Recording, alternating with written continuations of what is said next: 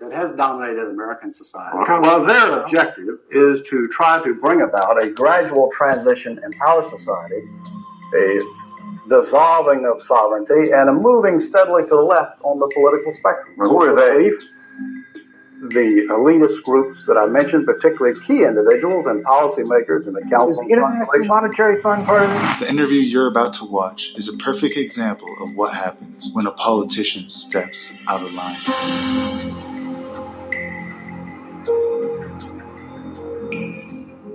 Larry McDonald was a U.S. politician who served as a Democratic member of the U.S. House of Representatives from 1975 to 1983. He represented Georgia's 7th congressional district. Despite being a Democrat, McDonald was a conservative and a staunch opponent of communism.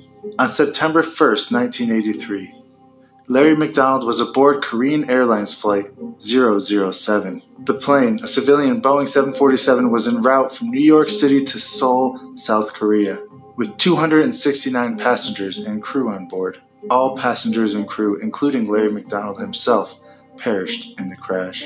The circumstances surrounding the downing of Korean Airlines Flight 007 are controversial at best.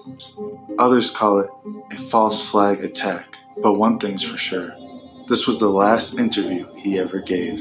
Mr. McDonald, I'm not a conspirator. Uh, I think even Buchanan would vouch for that. Uh, well, you are Robert. Robert Welch. Relations. Robert Welch. No, I don't think so. Yeah, I'm a member of the Council on Foreign Relations. Well, you've certainly. Well, it, let me just tell you what Newsweek says that says that the John Birch Society considers communism only one arm of a national of a master conspiracy in which socialist American insiders are plotting to establish world government. Now, it also says, and here's Director John McManus, that's your public relations director, saying that former Secretary of State Alexander Haig and CIA Director William Casey are two of these master conspirators who are plotting to establish world government. Now, what do you say? You know, that kind of silly, asinine statement is what makes, pe- makes people laugh at the John Birch Society. Well, Tom, I'm sure being a long-standing member of the Rockefeller apparatus, uh, and as a member of the Council on Foreign Relations of longstanding, you're fully aware that you, there is an elitist core in this country that has seen value in subsidizing communism, of protecting communism. It has? Sure. You're accusing me of subsidizing communism? No, I'm saying because I happen to belong to a. No, to there a, is an elite core. Wait.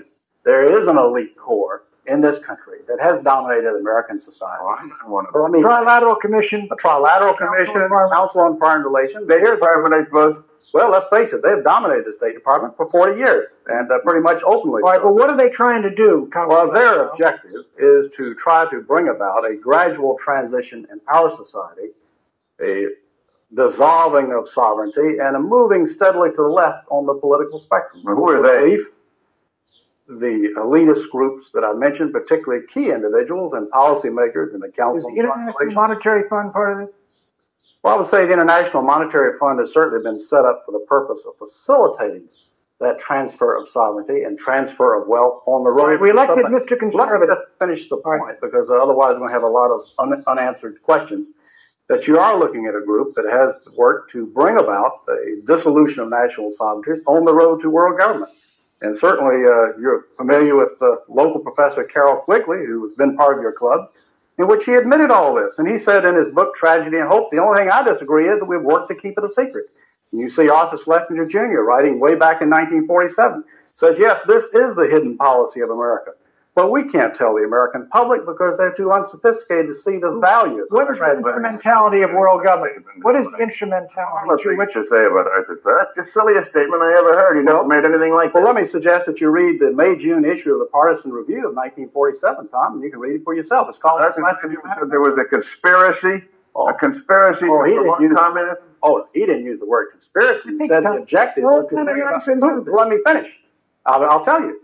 He said that the objective, the secret policy, which we can't tell the American public because they're not sophisticated enough to see the value, is that through a steady result of erosion of New Deals, we bring the American society steadily to the left, right, and through a sound concept of benign containment, we merge into the vital center of the socialist left. Those are his words, not mine. I think John Kennedy was a member of that. No, no, let me ask you this. the uh, World Federalist Movement in the post-war era contained a lot of people who eventually broke with it, and a lot of people thought the UN in the post-war era looked toward world government. Indeed, they did up until 48, 49. But a lot of them said, "Look, we were utopian. That's over and done with. We can't move." And a lot of them came in Kennedy's government. Uh, Schlesinger was in there when they were fighting uh, in Vietnam, launched the effort in Vietnam. Schlesinger was behind the Bay of Pigs. In other words, look, isn't there some move that occurred in the post-war era that now has been dissipated because nobody believes in the utopian ideal of world government anymore? Well, I think there are those that realize that moving straight from a prototype of the United Nations into world government perhaps is tactically impossible. But phasing out uh, increasingly national sovereignty into regional government uh, and phasing out sovereignties into international treaties and multiple areas. The whole area, right. the whole movement toward quote interdependence. Yes. NATO is, uh, so, uh, part of the conspiracy? Well, there are certainly elements in NATO. There are people in, uh, in NATO who are very strongly dedicated to the defense of the West. Uh, but at the same time, you find in NATO a steady dissolution. You find a growing weakness. There's a NATO policy uh, dominated by State Department policies that has not worked. Well, it's a regional grouping, and I think therefore it may be suspect by the John Birch Society. We're talking with Congressman Larry McDonald, who has recently been elevated, I guess, to chairmanship of the John Birch Society, succeeding uh, Robert Welch. We'll be back in a minute. Congressman Larry McDonald, a Democrat from Georgia. Uh, Mr. McDonald, your, your predecessor believed that the PTA was too left wing and that uh, the John Birch Society at one time tried to infiltrate it. Uh, or so he said. He used the word infiltrate. uh, you still, is that part of your program now? Well, I think when the PTA comes out in this program for the test ban treaty, and when the PTA comes out for gun control, it comes out for obviously national legislative programs that have been linked with liberaldom, uh, having nothing to do with education of our children. I think many people are wondering what in the world is the PTA doing, and that includes members of the John Birch Society. Well, I wonder about you. Public. I wonder about you. I looked you up. You're, you're, you're the biggest joiner that I've ever seen in the world. You belong, as I counted them, to 67 organizations among which are the National Rifle Association, the American Pistol and Revolver Association, the Committee for the Right to Keep and Bear Arms, the Second Amendment, Amendment Foundation, and the Citizens Committee for the Right to Keep and Bear Arms. Well, Tom, I think there's a real drive in this country to try to destroy the realization of our citizens that they have a fundamental constitutional right to keep and bear arms as the Constitution allows. And unfortunately, there are those in our society, including elements of the PTA nationally, not always locally by any stretch, but nationally, who would uh, believe that the federal government uh, should restrict the right of citizens to keep and bear. Let me ask you about uh, the, this conspiracy again. Well, you can take the issue of, of uh, the, one of the major problems of this country is inflation right. and the problems of the destruction of the dollar. And the fact of the matter is, in spite of promises of the contrary, uh, Reagan uh, has not moved to correct the deficiencies. We're now back to Keynesian Do you think that's despite uh, comments to the contrary? Do you think that's a result of the conspiracy you mentioned? Is there somebody working on them to get the inflation so that so that this country will be weaker? Well, as a man who campaigned against elitism, as a man who in his campaign rhetoric said that he would not be having the Council on Foreign Relations trilateral types dominating his cabinet, he's got about 250 members of such in his administration. Well, let me ask you about Bill Casey. Now, I've known Bill. Members. I've known oh, of the of the Trilateral Commission. I've known Bill yeah, Casey. In the administration. I've known Bill Casey, the director of CIA since World War II. As a matter of fact, in World War II, he was my boss.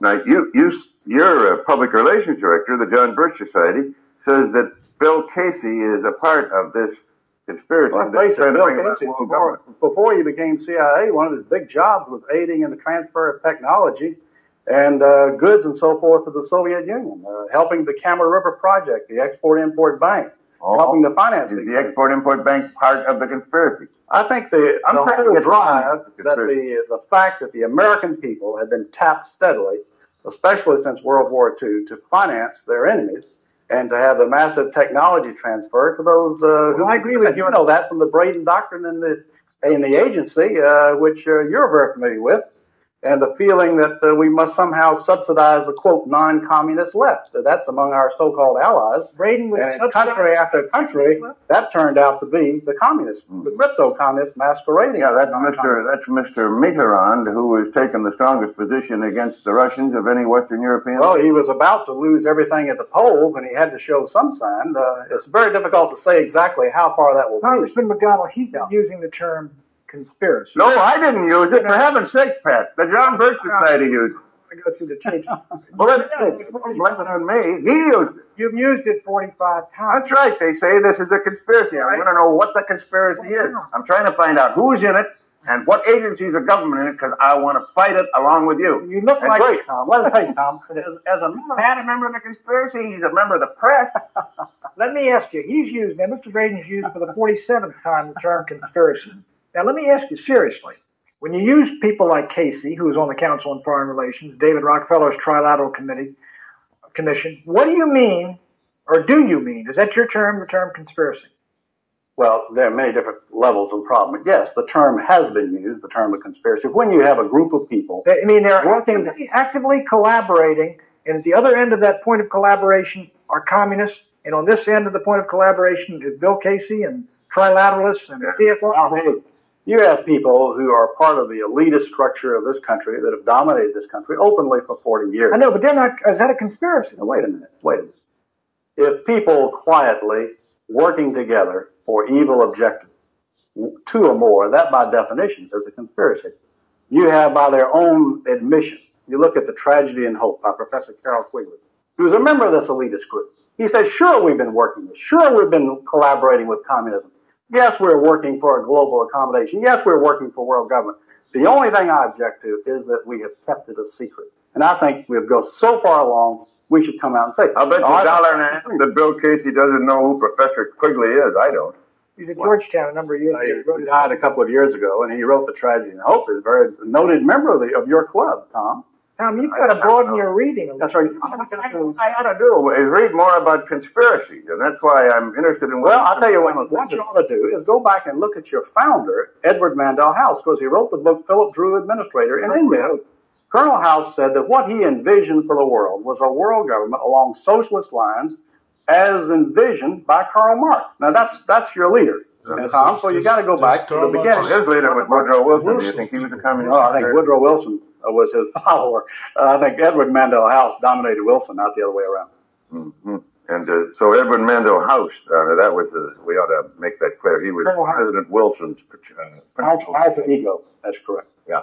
Uh, so he is the he is the real villain from which all these conspiracies. Uh, No, no, no, no. He is a major figure, um, but there is has been, unfortunately, in the West, uh, an element. Uh, there are good members in the Council on Foreign Relations, dedicated, patriotic people. You've had Spruille Braden, who was a member of the Council of Bircheside Bill Buckley's and Council on Foreign Relations. You've got some dedicated people, but the driving forces have very clearly been willing to collaborate, subsidize, work for technology transfer for what they feel is some type of an accommodation and merger. And I, I submit this would be a disaster for the American Republic. are there any in Congress? Sure. I disagree with Congressman McDonald as the idea of conspiracy with you and your friends. I think it's more of a herding instinct. The direction you've been moving in, inertia, carries you further and further. But I do think this. That slogan, get the U.S. out of the UN and the UN out of the U.S. looks better and better every day, doesn't it? Maybe they were ahead of their time on that one. No, Pat. I think we got to have uh, communications with the world, and the UN makes me mad too. But uh, I don't think it's a part of the great conspiracy which extends from Bill Casey and Al Haig all the way to communism. Well, I think that uh, Larry McDonald's a patriot. I think he's wrong about the conspiracy, but he's probably less wrong about what he says about this country than the guy I'm talking to.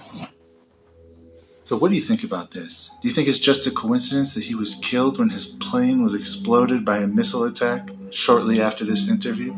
Or is it something else? I want to know what your opinions are. What